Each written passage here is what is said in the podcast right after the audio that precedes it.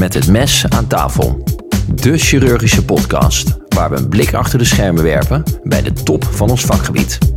Vandaag zitten we aan tafel met professor Pieter Tanis om te praten over het colorectaal carcinoom. We zullen het hebben over de nieuwe richtlijn, de behandeling van het colorectaal carcinoom en over complicaties van de behandeling en complexe casuïstiek. Pieter Tanis is na zijn middelbare school piano op het conservatorium gaan studeren en is na drie jaar toch geneeskunde gaan doen in Rotterdam. Vervolgens heeft hij zijn promotieonderzoek en chirurgieopleiding gedaan in Amsterdam. Hij heeft een observership gedaan in de Cleveland Clinics en was van 2010 tot 2021 chirurg in het AMC. In 2019 werd hij benoemd tot hoogleraar colorectale chirurgie en is sinds 2021 werkzaam aan het Erasmus MC in Rotterdam. Verder is hij lid van een hele rits aan commissies en werkgroepen. Uh, Pieter, welkom. Dankjewel. Je bent uh, na het conservatorium toch geneeskunde gaan uh, studeren. Waarom heb je dat gedaan? Ja, kleine correctie misschien. Ik studeerde op het conservatorium naast mijn middelbare school. Oh. Dus ik heb twee jaar uh, vanaf mijn veertiende tot mijn zestiende heb ik op het conservatorium gezeten. Uh, en toen heb ik een keuze moeten maken wat ik ging studeren. Oh. En heel vervelend op het conservatorium heb ik ontdekt dat ik een aangeboren peesprobleem heb. Aan een van mijn duimen ontbreekt de extensor pollicis brevis. En dan vragen altijd heel veel mensen, ah, kan je daar dan mee opereren? Ja, daar kan je mee opereren. uh, dus dat, dat was de reden dat ik uiteindelijk, want ik had wel een ambitie om pianist te worden, maar dat... Maar piano spelen lukte ook redelijk. Ja, zeker. Dus je kan wel, maar het probleem als je een verminderde extensie hebt um, in de duim op dit niveau, dan is het heel lastig om, om octaven te spelen. Dus hele uh, virtuoze passages, dat gaat niet lukken. Dus dat, je kan dan ja, hooguit een didactische rol gaan vervullen, maar niet echt uh, dus als, als je, professional. Als je een pace extra had gehad, dan was je nu pianist. Uh, ja, wie weet. nou, dan is het maar goed voor de medische wereld dat, dat, niet, dat je die pace mist. Um, hoe, hoe vaak speel je nog piano? Nog heel veel, de laatste tijd steeds meer. Uh, en met name doordat ik um, de laatste jaren veel kamermuziek ben gaan doen, dus samen met strijkers. Dus ik zit in verschillende kamermuziekensembles, uh, piano trio, piano quintet, dus met verschillende hoeveelheid strijkers. Ja. Uh, ook wel cello sonates, viool sonates, dus met alleen viool cello. Dus, en dat is heel leuk om samen te spelen. Dat is heel stimulerend. Leuk. Daar heb je genoeg tijd voor nog. Uh, daar maak ik genoeg tijd voor. Dus meestal uh, neem ik de zondag helemaal vrij. Ik wil wel echt één dag per week vrij hebben. Dus, maar dan oefen je echt uren soms met een ja. of iets dergelijks. Ja, ja. uren. Ja, dus door de week heb ik dan repetities met, met een van de ensembles. Uh, uh, maar daar moet ik dus stukken voor instuderen. En dat, dat, dat gaat in een rap tempo, wordt het repertoire er doorheen gejaagd soms. Dus ik moet soms echt uh, flink aan de bak om nieuwe, nieuwe stukken in te studeren. Ja, dus dan ben ik gewoon uren op een zondag aan het studeren. Ja. Maar dan ben je eigenlijk toch nog ook beroepspianist geworden. ja, ik voer niet uit. Dat doet een beroepsmuzikus wel, uiteraard. Dus die geeft concerten. En ik doe het echt voor de lol. heel af en toe is een huisconcertje. En daarnaast, uh, behalve piano spelen, kan je ook heel mooi schilderen. En daar hangt een replica van uh, de anatomische les van Rembrandt in een van de collegezalen in het AMC die je gemaakt hebt. Waar heb je dat uh, geleerd?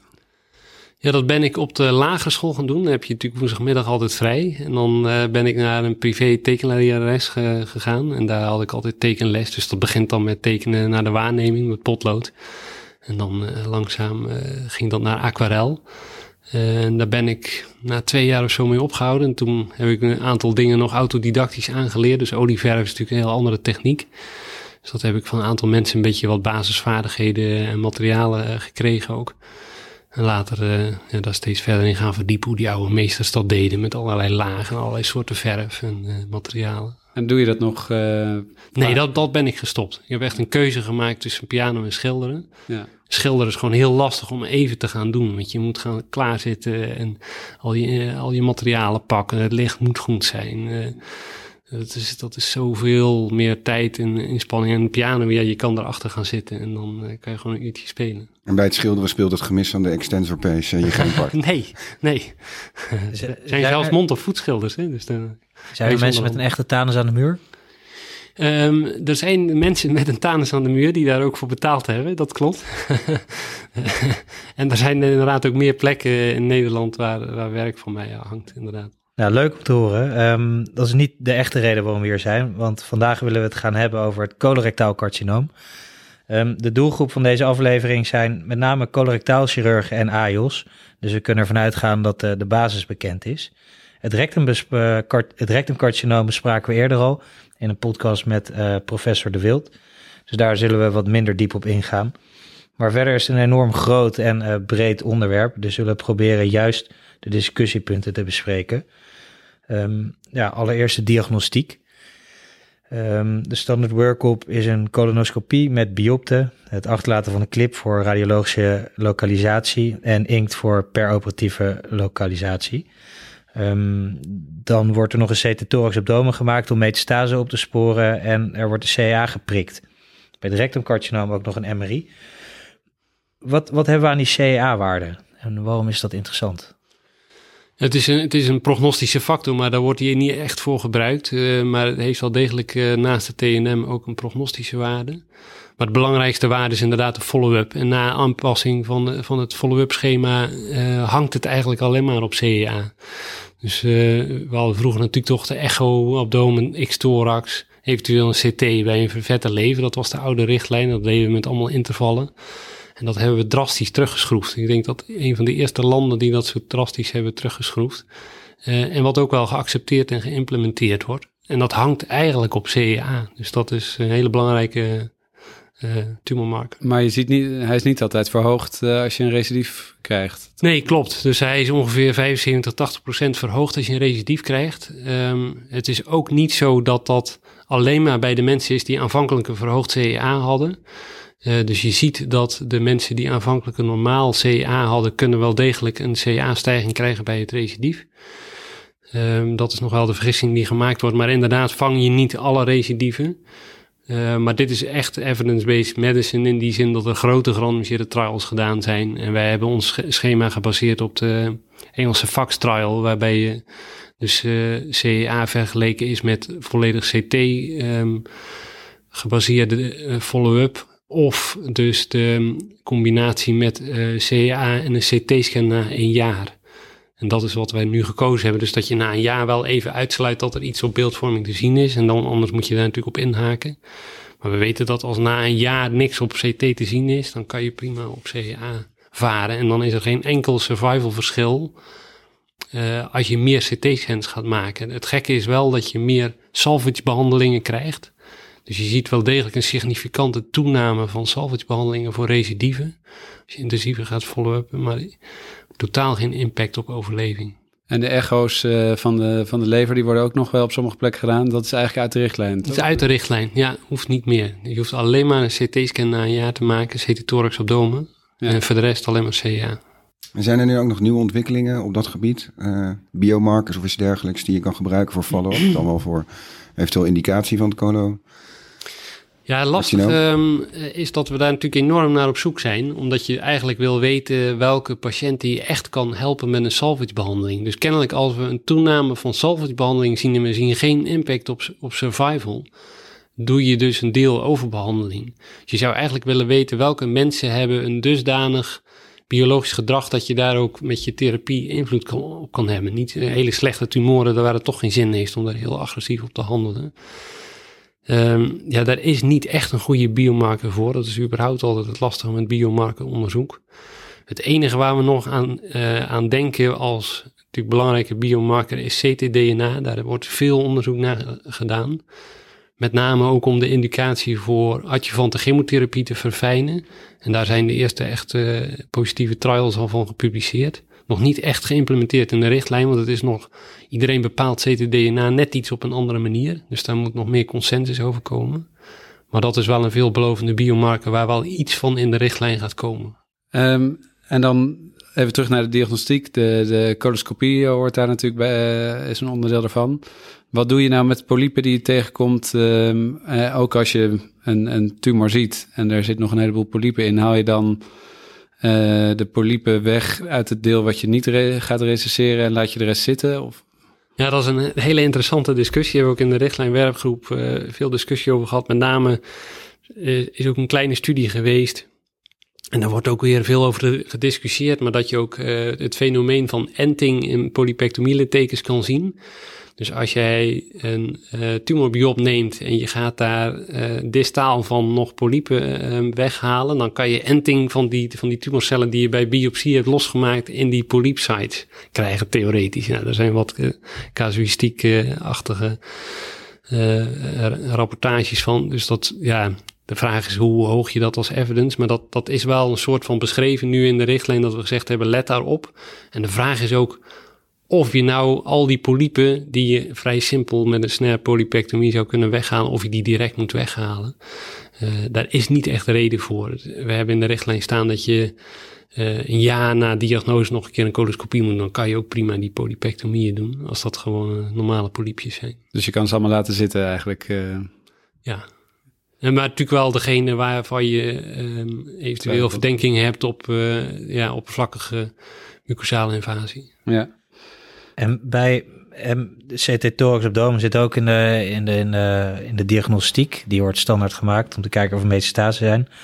Wat doen jullie met de kleine vlekjes op de long die te klein zijn om aan te prikken? Ja, dat is een lastig punt. Um, dus we hebben nu gezegd dat je uh, wel een CT-thorax moet maken. Terwijl vroeger stond er nog steeds een longfoto om die reden in de richtlijn. Want dan krijg je niet die discussie over al die aanspecifieke longnoduli.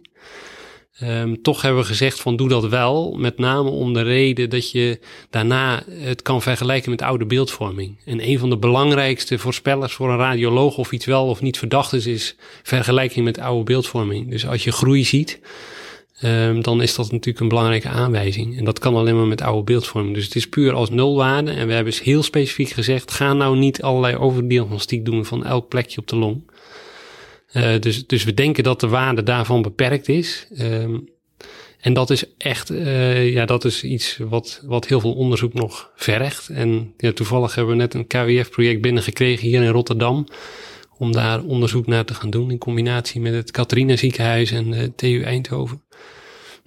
dus wat we gaan doen is eh, enorm veel scans verzamelen, 15.000. Proberen daar de klinische data aan te linken en dan AI-modellen erop te bouwen. Dat is natuurlijk heel hip met AI, maar we denken wel dat je voor die longlesies daar een stap in kan maken. Daar is nog relatief weinig over bekend. is er dan een bepaalde interval uh, waar als je van tevoren op die CT-thorax uh, die kleine longnoduli ziet, dat je dan uh, frequenter gaat beeldvorming gaat gebruiken om follow-up te doen? Of ga je gewoon na je resectie de standaard dat je gewoon je CT-thorax abdomen een jaar postoperatief maakt? Hangt er een beetje vanaf de, ook wat de radioloog ervan vindt. Dus zij geven vaak een indicatie of je na drie of zes maanden nog een keer een CT-thorax zou moeten herhalen.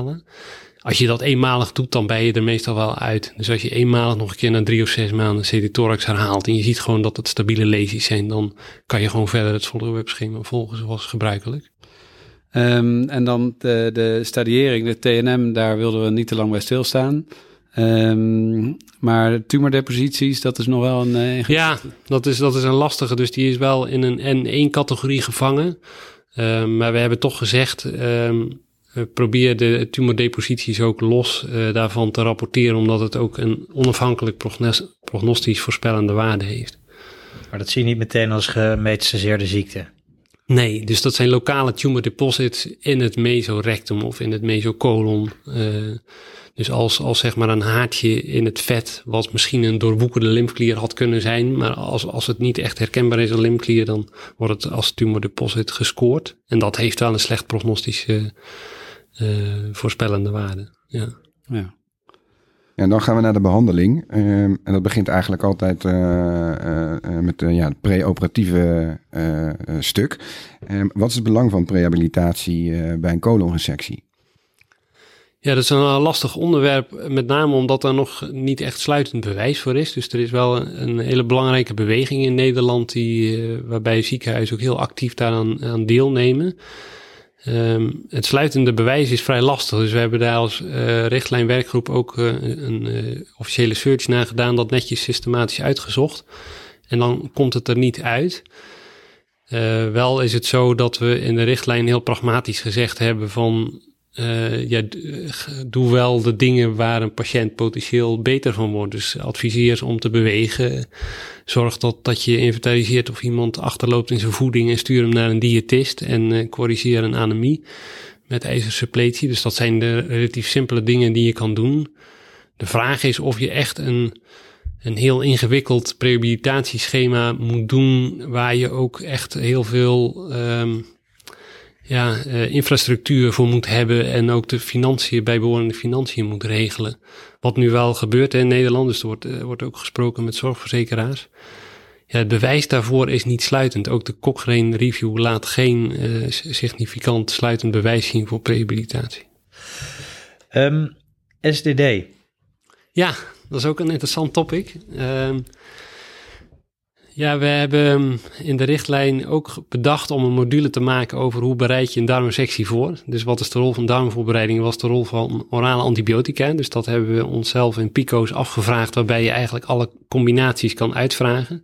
Alleen orale antibiotica, combinatie met darmvoorbereiding, et cetera.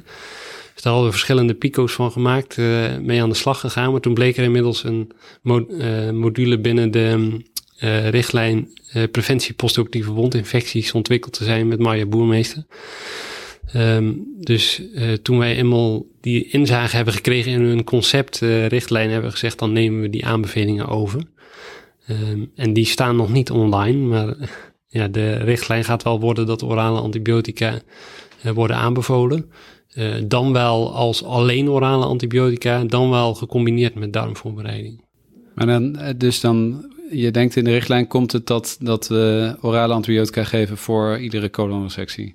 Ja, dat, uh, dat, dat wordt ook de, dat is dus de conceptaanbeveling voor de richtlijn postoperatieve wondinfecties. En die gaan we dan als darmkankerrichtlijn overnemen, hebben besloten. Ja. Maar het is dus nog een beetje preliminair om dit zo in een podcast te vertellen. Maar dat gaat inderdaad de aanbeveling worden. Oké. Okay. Dus dat hoeven we nu nog niet te doen, maar aankomende zomer wel.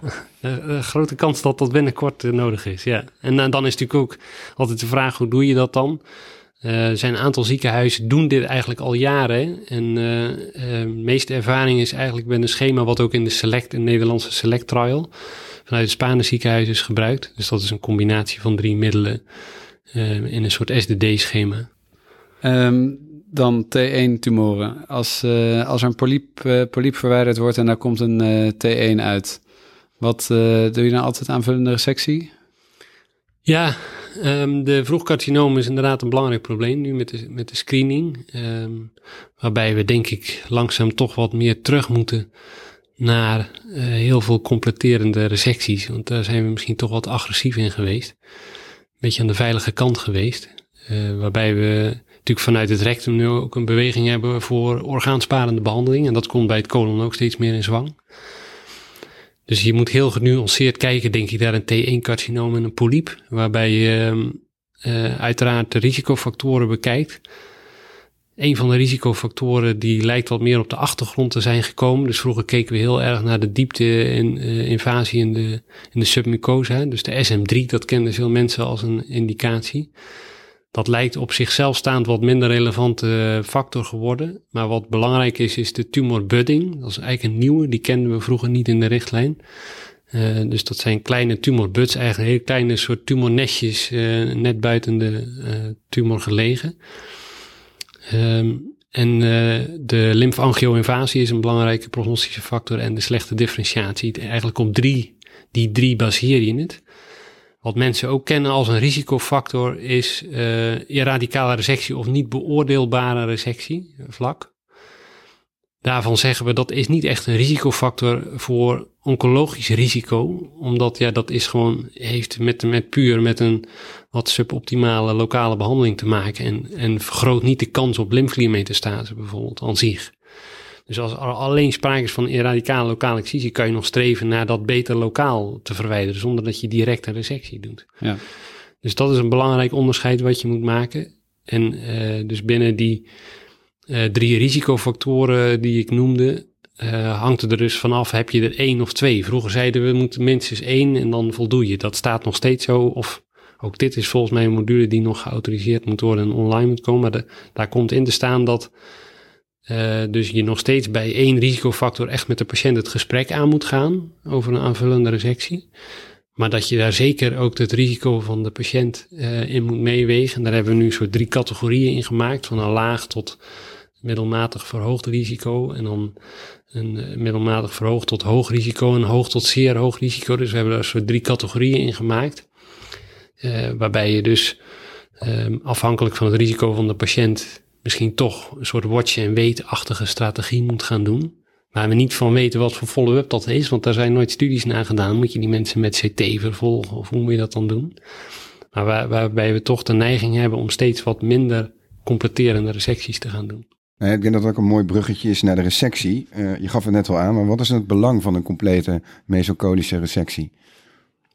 Ja, de mesocolische excisie is veel discussie over. Um, we denken dat er wel een waarde is voor, uh, de, voor, de, voor de, de colonchirurgie in de zin van uh, opereer heel netjes. En dan denken heel veel mensen dat dat inderdaad om lymfeklieren gaat, uh, het concept van CME. Ik denk eigenlijk dat dat uh, veel minder een rol speelt. En dus ook de tegenstanders van CME die lang hebben gezegd... ja, maar zoals wij het doen is prima. Je kan er ook gewoon eens een beetje half door dat mesocolon heen. Want we zien nooit een regionaal klierrecidief bij het coloncarcinoom. Dat is maar helemaal de vraag of, of daar het probleem ligt. Dus wat we in een van de belangrijkste studies die er geweest zijn op dit gebied is een studie van uh, Bertelsen uit Denemarken. Die heeft drie centra die CME deden vergeleken met, uh, met andere uh, Deense centra.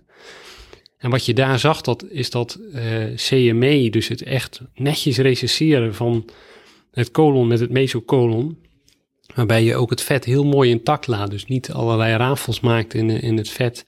En dus een heel mooi specimen aflevert. Dat dat onafhankelijk van het stadium een voordeel oplevert. Dus dat is uh, zowel voor stadium 1 als voor stadium 2 als voor stadium 3. Dus er is iets los van de lymfekliermetastase.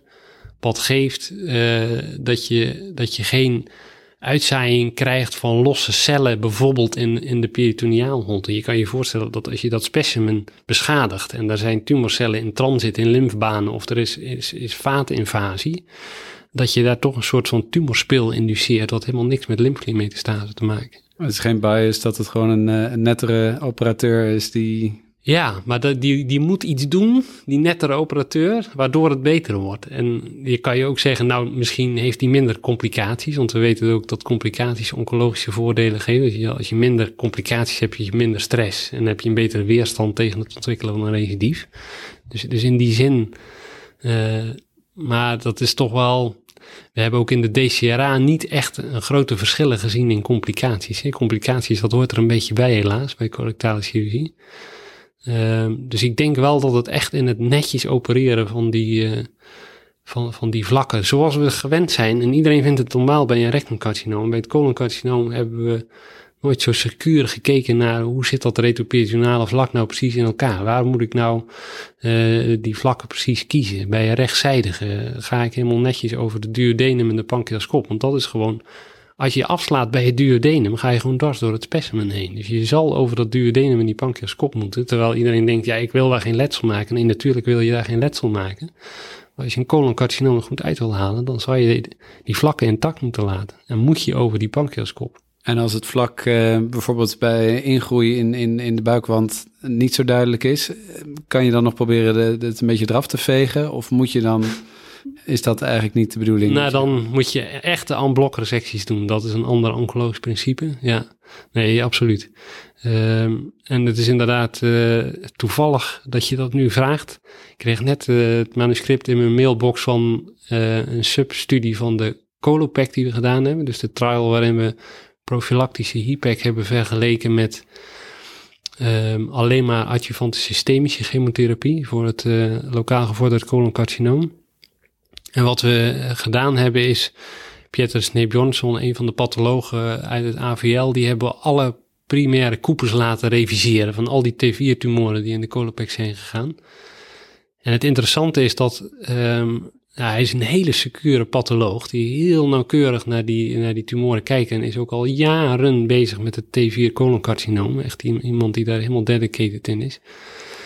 Um, en wat hij ziet is soms ook een soort rafelig tumoroppervlak, waarbij hij kan zeggen, ja, dit is geen tumorulceratie van een, van een tumor die uit zichzelf aan het ulcereren is. Nee, dit is gewoon een, een artefact die een chirurg heeft toegebracht. En het interessante was dat hij dan soms terugging naar het OK-verslag en dan lees je dat ook, dat er dus inderdaad een dunne darmlis is afgeveegd van, van de tumor. Dus je, dus je leest, uh, hij, hij, ziet zeg maar wat er dan uiteindelijk in het OK-verslag is terug te vinden. Ja. En daar zagen we een correlatie met uh, peritoneaal recidief. Interessant dus, genoeg. Dus afvegen, dat is eigenlijk nooit een, moet je eigenlijk nooit doen? Nee, nooit doen. Als je een tumor hebt en je ziet gewoon dat die adherent is, gewoon recesseren. En je weet dat de helft terugkomt als geen bewezen pathologische invasie. Ja. Maar als je het niet doet, dan benadeel je echt sterk de mensen die het wel degelijk hebben, die andere 50%. Dus eigenlijk is het een soort van voorkomen van iatrogeen.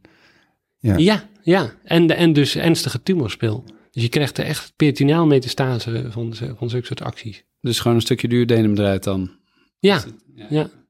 Um, wat is het verschil tussen 2, een D2 en een D3-resectie? En uh, ja, waarom is dat eigenlijk belangrijk om te doen?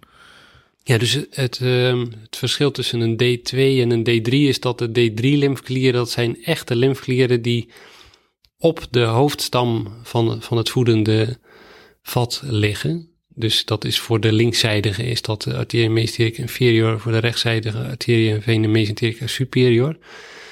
Uh, en het lastige is dus dat aan de rechterkant je dat vat natuurlijk veel minder makkelijk kan zien en het in een gevaarlijk gebied ligt. En daar, dat is waarom mensen gezegd hebben, ja, ik doe een D2-resectie als ik halverwege bij de idiocolica net langs de duodenumbocht er doorheen ga. Maar dus dan komen er nog steeds D2-klieren tot aan de vena mesenterica superior. Uh, en dus pas de klieren die op de vena mesenterica superior en de arteria mesenterica superior liggen, dat zijn de D3-lymfklieren. En aan de linkerkant is dat makkelijk. Dat is nou alleen maar een heel klein plukje op de arteria mesenterica inferior. Dus daar is het een stuk makkelijker. En die moet eruit? Nee, juist niet. Dus in de richtlijn hebben we gezegd, de D3-klieren moet je vooral laten zitten. Dus je moet een goede D2-resectie doen. Niet de D2 zoals mensen denken dat een D2 uh, gaat. Want dat noem ik een D1+. Dus een echte goede D2 tot aan de venen aan de rechterkant. En tot aan de aftakking van de rectale superior en de colica sinistra aan de linkerkant. En dan voor de uh, colica media betekent dat dus voor transversumtumoren dat je dus een klierdissectie doet tot aan de basis van de colica media vaten. Dus dan moet je echt het klierdissectie doorzetten totdat je de vena mesenterica superior echt gezien hebt. Anders weet je niet of je aan de basis bent. En dat is een goede D2. De D3 moet je vooral laten zitten en dat is, hebben we in de richtlijn in 2019 al zo gezegd, maar daar is nu evidence bij. En dat is een hele grote Chinese trial in ruim duizend patiënten. Uh, die hebben een goede D2 vergeleken met nog dat extra plukje klieren weghalen. Dat levert meer vaatletsels op, significant. Maar een paar procent, dat was gewoon 3 versus 1 procent. Maar wel significant door de grote trial. En um, de oncologische resultaten moeten daar nog van komen, maar ik verwacht daar eigenlijk niks van. Want de, de, de kans op positiviteit van die klieren was uit mijn hoofd ook 3 procent. Maar geen enkele van die D3-lymfklieren waren solitair aangedaan. Ja, dus ik verwacht niet dat je een survival benefit krijgt om bij 3% van de patiënten dan nog dat extra plukje klieren weg te halen. En, en uh, bij het sluiten van de buik, PDS-loop in de prullenbak? Absoluut, ja. Ja, daar ben ik uh, fervent uh, voorstander van, dat we netjes de buik gaan sluiten. En ik ben nu hier in Rotterdam voorzitter geworden van de Repair groep, die door professor Lange, Jekel en Klein Rensink als professoren drietal heel lang geleid is, die ik nu heb overgenomen. En ja, daar is de Stitch trial natuurlijk een hele mooie trial van geweest. Dus ja, we moeten, we moeten echt met. En ja, ik vind het heel jammer dat het de small bites is gaan heten, de techniek. Volgens mij moet het de small steps heten. Dus de bites die zijn wel goed, wat mij betreft. Er is niemand die grote happen van 2 centimeter neemt. Maar heel veel mensen nemen wel stappen van 1 of 2 centimeter. En ik denk dat het gaat over drukverdeling, krachtverdeling op de buik. En dan moet je gewoon met kleine stapjes zetten. Ja. En dan mag niet met de PDS-loop. Ja, de PDS-loop is een hele dikke naald. Dus je maakt hele dikke gaten in, in de fascie. En die draad die breekt niet. Iedereen is bang voor een draadbreuk, maar die draad die breekt niet. PDS 2.0 is meer dan genoeg. En die uh, maakt veel kleinere gaatjes in de fascie. Dan de uh, acute coloncarcinomen. Daar zijn ook altijd een hoop twijfel dingen bij natuurlijk. Tumor met een perforatie en vrij lucht om, om twee uur s'nachts. meteen naar elkaar of doe je dat de volgende ochtend? Ja, ik denk als je echt een tumorperforatie hebt, maar daar is dus heel veel twijfel over in de literatuur. Wat heet nou een perforatie? Dus als je dat terugzoekt in stukjes die over perforatie gaan, staat vrijwel nooit beschreven waar die zat. Zat hij nou bij de tumor of zat hij er proximaal gewoon door een blow-out? Dat is vaak heel lastig om dat uit de literatuur te halen. Ik denk pragmatisch gezien, als er echt een tumorperforatie is, dan zou je niet ontkomen aan een acute resectie. Dat is denk ik de enige indicatie, echt de harde indicatie van acute resectie. Ik denk persoonlijk, maar ik weet niet, ik denk niet dat dat veel gebeurt in Nederland. Maar als je dus een perforatie proximaal daarvan hebt, dan kan je natuurlijk gewoon overwegen om dat te bridgen. Dus je kan dan bijvoorbeeld een idioscalresectie doen voor een blow-out van het ceukum. En dan uh, als dubbelloops idiostoma, uh, ja, idiocolostoma met slijmvissel, kan je dat uitleiden. En ik denk dat dat van waarde is. Dus we zien ook in de IKNL-registraties dat die acute resecties hebben echt een slechtere overleving. Die doen het postoperatief slechter en hebben ook een slechtere oncologische uitkomst. En dat komt gewoon omdat je in een, in een slechte toestand iemand opereert met een slechte afweer, een slechte voedingstoestand. Dan moet je wel heel erg inhouden als je een ileoscalesectie doet en de tumor laat... Uh... Dat wou ik zeggen. Dan moet je heel erg inhouden. Dus ik vraag me af of dat in Nederland uh, gebeurt. We hebben recent een review gedaan op dit gebied, want we zijn nu met een onderzoeksgroep bezig om al die complexe coloncarcinomen te onderzoeken. En uh, daar, daar kwamen stukken in voor die dat beschreven. Dat je dus een bridging doet bij een geperforeerde tumor, maar dus niet een tumorperforatie, maar een proximale perforatie. En die gewoon uitleidt als bridging. De patiënt optimaliseert, eventueel neoadjuvant voorbehandeld met goede downsizing. Maar is er dan wel ruimte om het s'nachts uh, te doen met een klein beetje vrije lucht, patiënt niet zo ziek? Of zou je dan zeggen, nou... Dat... hangt er natuurlijk van je structuur af. Of je iemand uh, ja. hebt die dat goed kan. Uh, en ik denk een idioscale sectie doen met een dubbeloops idiostoma... dat is denk ik voor heel veel mensen prima te doen. Ook daarvan is het de vraag... Dan komen we natuurlijk ook een beetje op de laparoscopie. Uh, of je laparoscopie in de acute setting kan doen. Ik denk dat dat, dat juist een hele goede reden is om laparoscopie te doen. En dat daar heel veel voordelen liggen. Alleen dat vereist wel behoorlijke expertise van de dienstdoende chirurg. En de vraag is of dat 7 keer 20 voor ouders uh, beschikbaar is. Ja. En met een neerblowout, waarbij je fors ilius beeld hebt, dan ook dus ook gewoon eerst scopisch proberen. Eerst, eerst scopisch proberen. En wat je bijvoorbeeld nog als truc kan doen, is dat je uh, een, een, alvast een extractiesite maakt waar je het specimen wil extraheren. Dus dat kan van een stiel zijn, maar als dat lastig is, zou je dus een, een uh, snee door de navel kunnen maken. En dan kijken of je iets naar buiten kan halen wat je kan desouffleren. Dus dat, daar zijn ook wel kleine studies van in de literatuur beschreven. Dus je kan bijvoorbeeld bij een linkzijdige obstructie uh, kijken of je de zeukenbodem met de appendix kan luxeren in een pannenstiel doe je een appendectomie, doe je een volledige desufflatie. En dan vervolgens zet je een, uh, een poort in de pannenstiel en kan je gewoon laparoscopisch verder na desufflatie. Dus je kan op allerlei manieren nog weer om die, om die distensie heen. En soms is het gewoon prima te zien. Soms insuffleer je en dan heb je gewoon, ondanks de distensie, wat niet heel, als het niet een hele flinke distensie is, kan je soms prima exposure verkrijgen. En een tumor met een uh, absces, eerst absces draineren? Ja, ik denk dat dat uh, iets is wat, uh, wat prima te doen is en wat zeker geen acute resectie vereist. En het interessante van peritumorale abscessen is ook dat dat standaard beschouwd wordt als een soort T4-tumor, waar een gat in de darm is gevallen. Het bijzondere is dat je in de literatuur ook ziet dat er een soort subgroep van patiënten is met een peritumoraal absces, wat eigenlijk helemaal niet een T4 is. Dus als je die echt netjes pathologisch uh, onderzoekt, dan zie je soms dat het gewoon een T3 is. Uh, en dan denken we dat er een soort overimmuunreactie is. En dat dat misschien dus juist wel een goede prognose met zich meebrengt. Dus dat je een enorme immuunreactie om je tumor heen krijgt. Uh, doordat het lichaam heel erg bezig is die tumor op te ruimen of aan te vallen. Um, dat dat ook een soort van absurdering uiteindelijk in het meest extreme geval kan geven. Dat is een theorie die er bestaat waarom er een subgroep van peritumorale abscessen het, die patiënten het eigenlijk heel goed doen.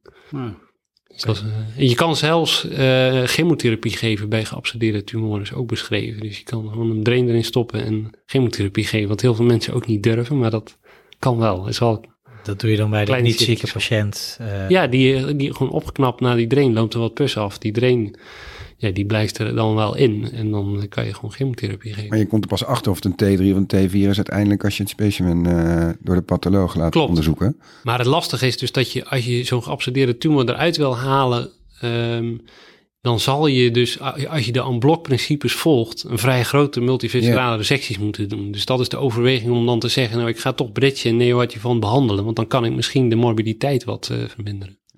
En is er nog plaats voor een stent bij een uh, acuut probleem uh, linkszijdig? Ja, er is denk ik weer zeker weer plaats voor een stent. In Nederland zie je dat, dat, dat die boodschap heel moeilijk doordringt, omdat we ooit de stent in 1 en 2 uh, hebben gehad. Afgebroken uh, gerandomiseerde studies, dus iedereen die was heel erg geschrokken van de. Uh, we hebben inmiddels andere stents en we hebben ook andere evidence. En die evidence die is al jaren zo inmiddels dat we zien dat dat veilig kan. Inderdaad, je hebt een aantal stentperforaties, maar die leiden niet allemaal tot slechte oncologische uitkomsten. En door de voordelen van de stent die er zijn, is er geen overlevingsnadeel. En lijkt er zelfs misschien af en toe gewoon een klein beetje overlevingsvoordeel, omdat je die mensen gewoon bridgt. Dus je haalt ze uit de hele gevaarlijke acute chirurgie-periode. Uh, uh, ik vind het eigenlijk jammer dat de stent nog zo, uh, zo weinig wordt toegepast. Ik denk dat er best wel goede indicaties voor zijn. En wat het grote voordeel is, wat we in de snapshot zagen, is dat als je echt een stentable lesion hebt en je, en je doet dat, dan uh, heeft 80% van die patiënten nooit in een hele behandeltraject een stoma. En dat is natuurlijk een enorm voordeel. En eigenlijk alle andere behandelstrategieën leiden tot hele hoge stoma-percentages. En uiteraard, als je een deviërend of decomprimerend stoma aanlegt, heb je 100% een stoma. Terwijl bij een stenting maar 20% in je hele behandeltraject. Um, eerst een stoma of acute resectie? En dan linkszijdig, rechtszijdig?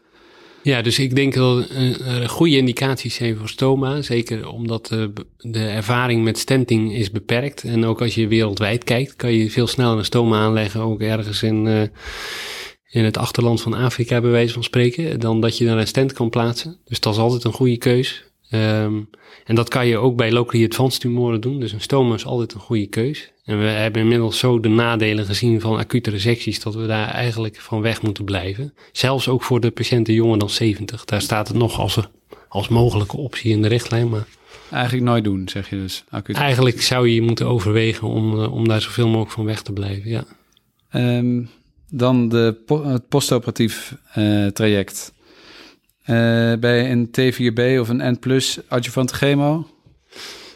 Uh, ja, uh, dus de, de standaard indicaties zijn eigenlijk niet gewijzigd in de afgelopen tijd. Dus we behandelen nog steeds de stadium 3 met adjuvante chemotherapie.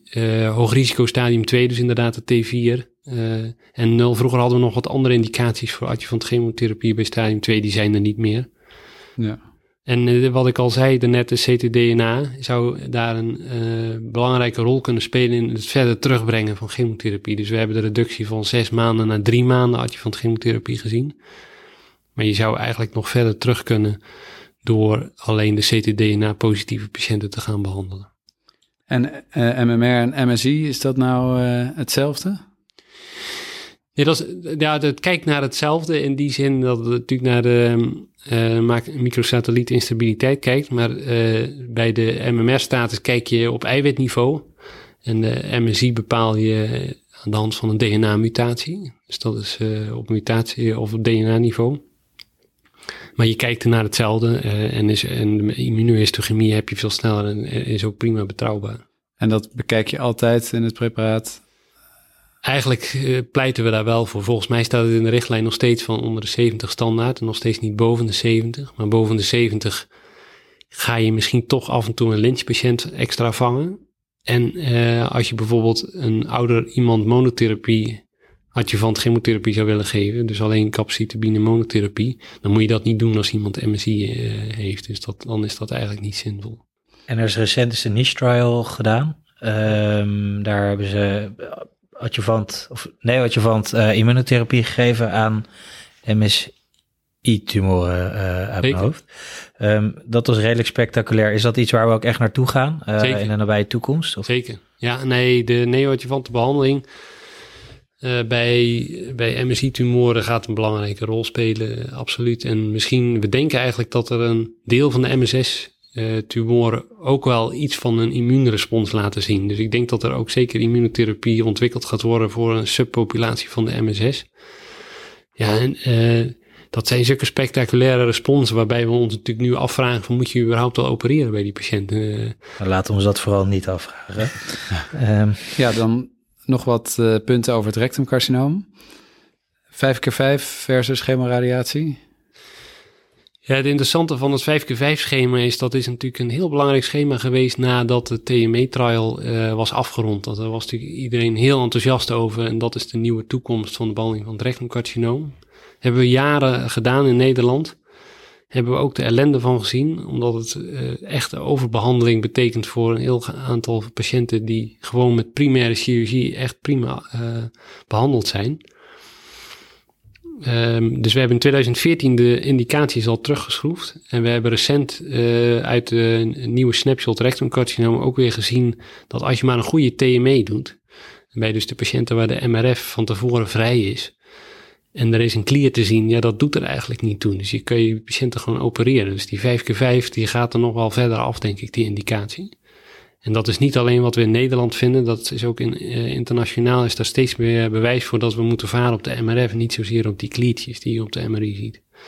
Dus dat is wel een interessante ontwikkeling, denk ik, dat we in de toekomst misschien af en toe nog eens 5x5 geven als alternatief voor chemoradiatie bij oudere patiënten. Die, uh, die wel minder nu al? Ja, dus kijk, we kunnen de richtlijn modulair aanpassen. Dus we kunnen elke zes maanden in theorie kunnen we een verandering doorvoeren. Maar het verlaten van uh, de klieren als indicatie voor radiotherapie moet ook nog wel even wat draagvlak gecreëerd worden. Dus daar zijn we nu mee bezig. Dus we zijn die discussie wel uitgebreid aan het voeren binnen de DCG-richtlijncommissie, et cetera. Um, en ik denk ook wel dat er, dat er gaat komen. Dus uh, dat zal niet heel lang duren. Ja.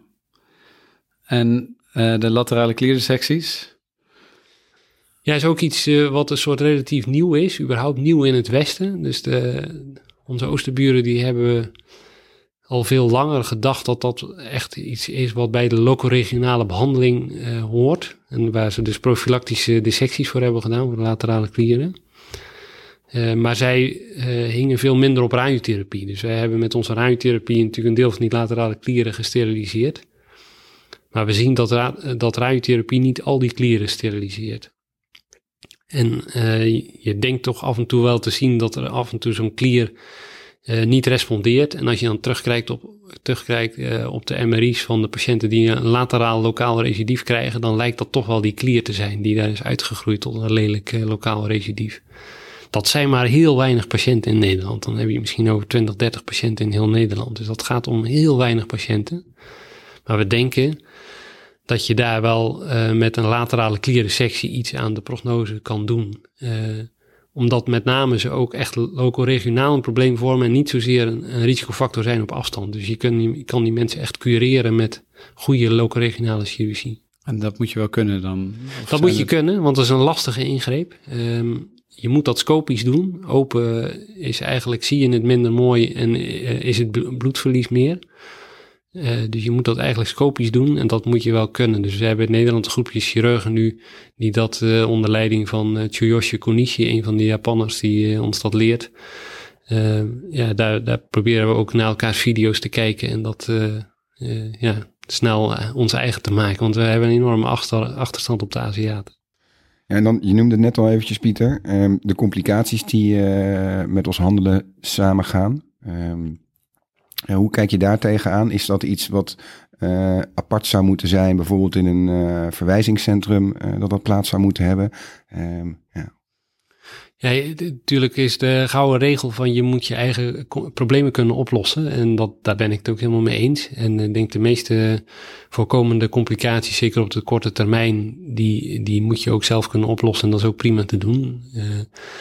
er zijn een aantal patiënten die echt in de problemen komen. En ik denk dat het daarvoor goed zou zijn als we pro zouden proberen om daar wat gest meer gestructureerde zorg te bieden. Uh, en misschien moet je een aantal chirurgen in Nederland bij, bij elkaar zetten die daar echt interesse in heeft. En en zeggen we, ja, laten we kijken of we daar. We zijn heel druk met, met zorgpaden, maar voor zulke patiënten, dat gaat allemaal ad hoc. En iedereen doet maar een beetje wat hij geleerd heeft in zijn opleiding of wat hem goed dunkt. En kan je dan een voorbeeld noemen van zo'n patiënt? Hoe, hoe ziet dat eruit? Waar denk je dan bij aan als je. Ja, de grootste problemen um, ontstaan vaak bij het rectumcarcinoom, omdat je daar heel lang eigenlijk straffeloos kan afwachten. En dat is het probleem van het, van het bekken, is dat sealt af. Dus je krijgt geen peritonitis van, van een infectieus probleem in het bekken, omdat, dat, omdat het lichaam dat netjes met bindweefsel inpakt. Maar dat betekent niet dat dat in de loop der jaren daarna goed kan gaan. Dat is een chronische sinus of zo. eh. Ja, chronische sinus, eh vistels naar de blaas, vistels naar het perineum, abscedering in de musculus piriformis, eh, de meest vreselijke fasciitis, osteomyelitis van het sacrum, de meest vreselijke dingen. Iedereen zegt, ja, dat heb ik ooit één keer in mijn carrière gezien. Maar als je dat van iedereen optelt, en ik zie dat echt in, in aantallen inmiddels, omdat ik dat verwezen krijg, kan je daar ook patronen in gaan herkennen. Die herken ik inmiddels ook. En dat helpt mij om die patiënten te helpen. Maar ik denk dat als we daar wat meer de schouders en op een gestructureerde manier mee zouden omgaan. En er wat meer chirurgen zijn die daar echt aandacht voor hebben. Ja, die mensen die lopen in de meest vreselijke ellende rond. En, eh, en dat duurt ook soms lang voordat ze verwezen worden of, of gaan daar zelf achteraan. Ik denk dat, ja, ik, ik vind het überhaupt bijzonder in Nederland dat we die patiënten verwijzen. Ik denk dat dat al uniek is en dat we dat eh, echt als een positief eh, punt van onze chirurgencultuur in Nederland moeten zien. Want in het buitenland is dat überhaupt onmogelijk dat je de vuile was buiten hangt. Ja. Dus dat is denk ik heel positief, maar ja, het kan altijd beter. En de crux is dan verwijs. ja, of Snel overleg. of ver- en dat, verwijs überhaupt. En, eh, of, eh, en de, verwijzing is misschien nog de, de stap die daarna moet komen. De stap daarvoor is dus dat je in overleg gaat met iemand die daar wat meer ervaring in heeft. En dat gebeurt ook wel hoor. Dus ik word echt eh, door chirurgen gebeld van wat zal ik hiermee doen. En het is niet zo dat ik zeg stuur die maar in. Dus meestal probeer ik gewoon mee te denken. En soms kan ik helpen het probleem wat meer structuur te geven. En dan zeggen ze, oh, maar dan kan ik dat zelf oplossen. Of ik help in het andere ziekenhuis. Ik kom soms wel eens mee opereren om dat op te lossen. En als het echt, als ze zeggen, ja, maar dit, dit vind ik echt eh, te lastig worden, dan zeg ik, nou, stuur maar in en dan, dan neem ik die zorg over. Maar zo kan je al in een vroeg stadium kan je overleg plegen. En heeft de endospons nog een eh, belangrijke rol in die complicatiechirurgie? In de, in de vroege behandeling van rectumnaadlekkage zeker. Dus in die IMARI-trial hebben we de endospons ehm, als eh, een gestandardiseerde procedure. En ook daar is het niet zo een sponsje steken, dat kan iedereen. Nee, ook daar is echt een bepaalde mate van dedication wel vereist. Dus je moet weten hoe werkt dat, hoe beoordeel je zo'n holte, moeten er twee in? Eh, of, of heb je aan één voldoende, waar moet die precies liggen? Heel veel mensen plaatsen hem te diep in de holte, waardoor die lis retraheert. En, eh, er zijn allemaal details. Dat proberen we in die MARI echt te standaardiseren binnen de centra die daaraan meedoen. Waarbij we inmiddels zitten we in het interventiecohort. Dus we kijken ook actief mee als er een lekkage is. Dat krijgen we gemeld in de app. En dan kijken we ook mee bij endosponsplaatsing. En eh, adviseren we, oké, nu is het lokaal te sluiten, het defect bijvoorbeeld. Waar kijken jullie in die IMARI-studie nog meer naar? Ja, dus het gaat over vijf interventies. Dus het is een multi-interventioneel programma, net zoiets als ERAS. Waarbij we gezegd hebben, doen we eerst maar 240 patiënten zoals je het altijd doet. En daarna doen we 240 patiënten volgens een gestandardiseerd protocol met vijf interventies. En dat is dus orale antibiotica met darmvoorbereiding.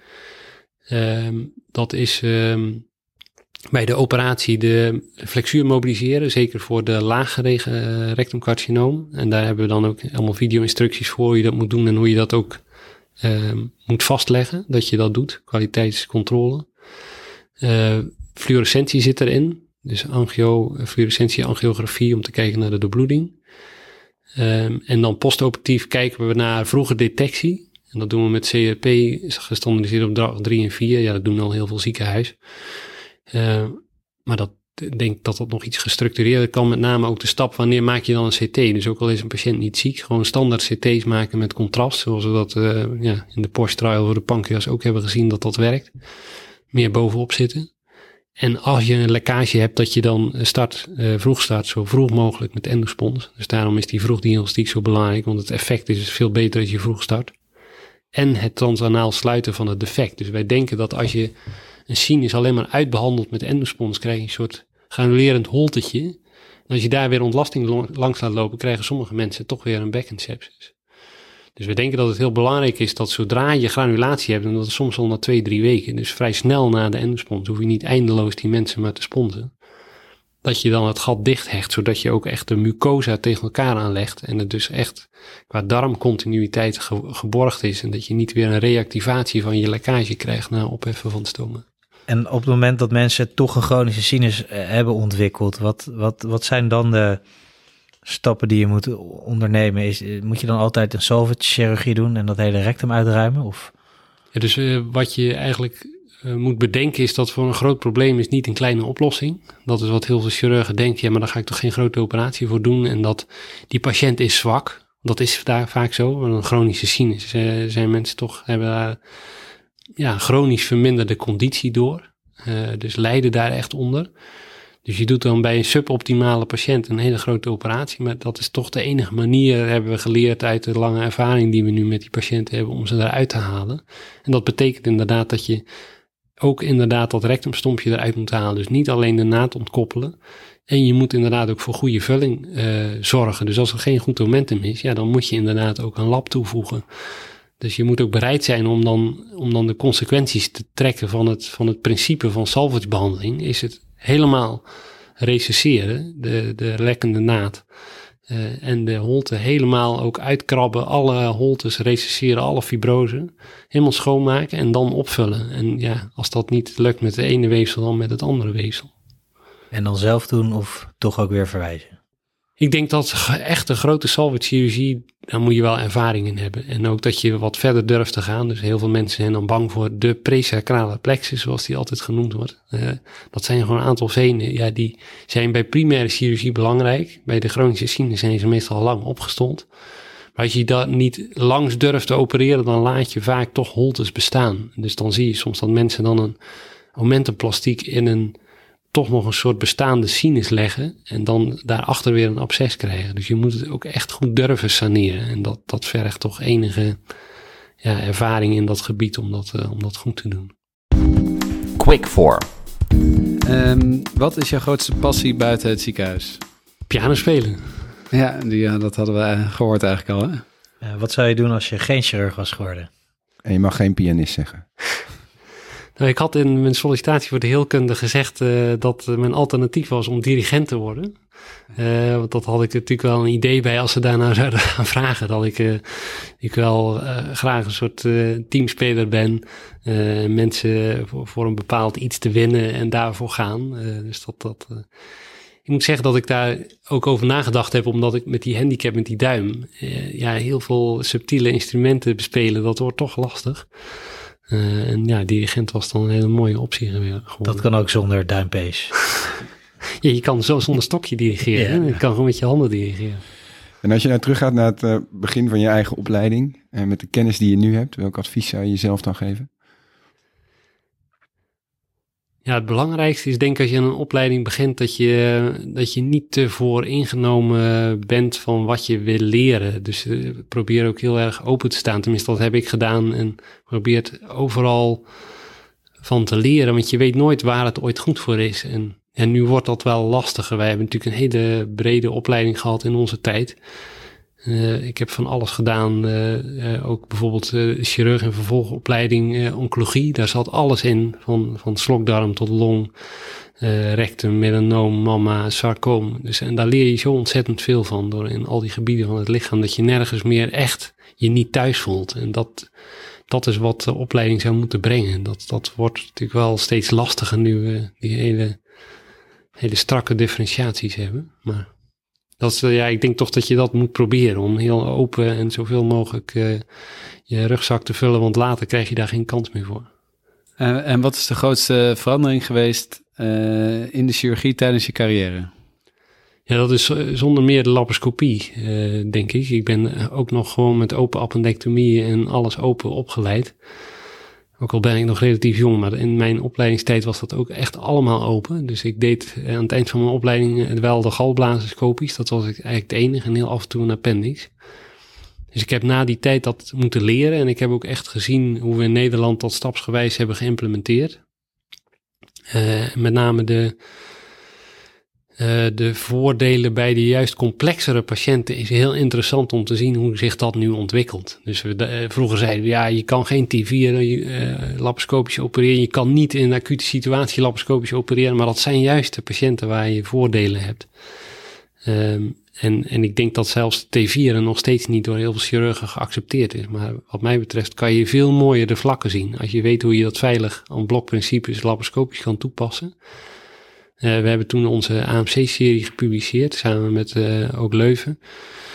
Um, uh, en ja, dat, dat gaf echt hele goede resultaten, juist voor de T4, waar we nauwelijks R1-resecties hadden. En als je in de grote trials kijkt, is het vaak toch 8, 9 procent R1-resecties voor een locally advanced coloncarcinoom. Ook in de Foxtrot trial, hoge percentages. Dus ik denk als je het heel, je gaat ook gewoon veel preciezer opereren van het groot in beeld hebben en fijne instrumentjes. Dus je haalt ook onbewust een soort van uh, toch een klein beetje grofheid, ook al bij een hele verfijnde operateur. Maar het wordt nog verfijnder als je laparoscopisch opereert, minimaal invasief. Of met de robot natuurlijk nu. Ja. Maar. Gaan wij, die, gaan wij dat meemaken dat wij over 30 jaar zeggen, ja, de robot was de grootste verandering in onze tijd? Of?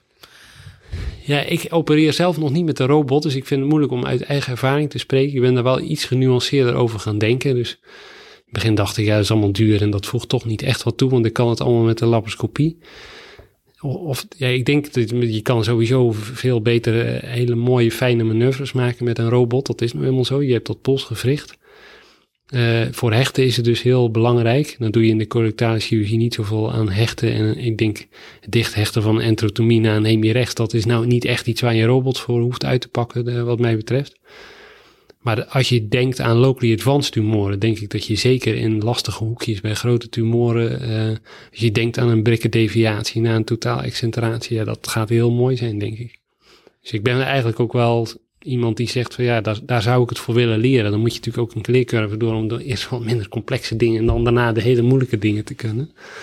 Maar ja, dat zie ik al voor me, ja. Duivelse dilemma's. En dan als, uh, als laatste de duivelse dilemma's. Uh, je krijgt twee keuzes en daarvan mag je er eentje kiezen. Uh, Bach of Chopin? Bach. Nooit meer opereren of nooit meer onderzoek? Oeh, dat is wel echt een duivels dilemma, ja. ik denk dat ik dan toch voor nooit meer opereren kies. Verplicht thematisch gecoördineerde jaarlijkse nascholing voor alle GE-chirurgen of meer centralisatie van de colorectale zorg? Ik denk dat ik meer voor die thematische uh, bijscholing zou gaan. Dat is ook wel hoe ik nu werk. Ik vind het heel leuk om in grote onderzoeksverbanden met, uh, met heel veel de perifere klinieken samen te werken, waar ook de RIDE weer een mooi voorbeeld van is. Ja, daar zou ik voor gaan. En dan Piano spelen of opereren? Um, ja, piano spelen, dat kan ik tot het eind van mijn leven, dus dan kies ik daarvoor. Uh, Tate mee of robot? Um, Tate mee, dan denk ik. André Hazes of Lee Towers? Oftewel Amsterdam of Rotterdam? Um, ja, ik, ben, ik, ik heb het wel eens gehoord, allebei. ik denk als je het mij zou laten horen, dat ik misschien niet zo snel het onderscheid hoor. Uh, dat is een lastige vraag voor mij. Uh, ja, ik ben nu in Rotterdam, dus dan ga ik voor Lee Towers. Natuurlijk. En is er dan nog één ding um, wat je onze luisteraars mee zou willen geven als take-home message? Ja, ik denk dat we een heel mooi vak hebben, maar dat we uh, dat mooie vak ook soms niet tot in alle aspecten ook heel mooi uitvoeren. Dus ik denk dat mensen misschien toch nog onderschatten hoeveel invloed ze zelf als chirurg hebben op de uitkomsten van patiënten. En daar misschien net iets te, net iets te vluchtig mee omspringen. Maar dat is misschien heel gevoelig wat ik nu zeg. Nou, in ieder geval een mooie afsluiter uh, van deze aflevering van het Mes aan tafel. Dankjewel, Pieter. Dit was met het Mes aan tafel. Tot de volgende keer.